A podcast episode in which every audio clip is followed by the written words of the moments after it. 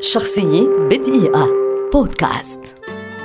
سيرجيو ليون مخرج منتج أفلام وكاتب سيناريو إيطالي شهير ولد عام 1929 واشتهر بإخراجه لأفلام ما سمي بال spaghetti western أي أفلام ال western أو الغرب ذات الإخراج والإنتاج الإيطالي. قدم فيلمه الأول في هذا المجال بعنوان A Fistful of Dollars عام 1964 الفيلم الذي يعتبر أول بطولة للممثل الكبير كلينت إستوود قبل أن يقدم فيلميه التاليين اللذين يعتبران اليوم من تحف أفلام spaghetti western. For a Few Dollars More و The Good, The Bad and The Ugly واللذين أنهى بهما ما أصبح يعرف باسم ثلاثية الرجل بدون اسم أو ثلاثية الدولارات. بسبب نجاح هذه الثلاثية. دعي ليون إلى الولايات المتحدة عام 1967 من أجل إخراج فيلم Once Upon a Time in the West الذي حقق بدوره نجاحا استثنائيا وقد اعتبره الكثيرون أفضل أفلام ليون. بعد ذلك في فترة السبعينات والثمانينات قدم ليون مجموعة كبيرة من الأفلام الجميلة والناجحة مثل Once Upon a Time in America الذي يعد من أروع أفلامه والذي لعب دور البطولة فيه الأسطورة روبرت دينيرو.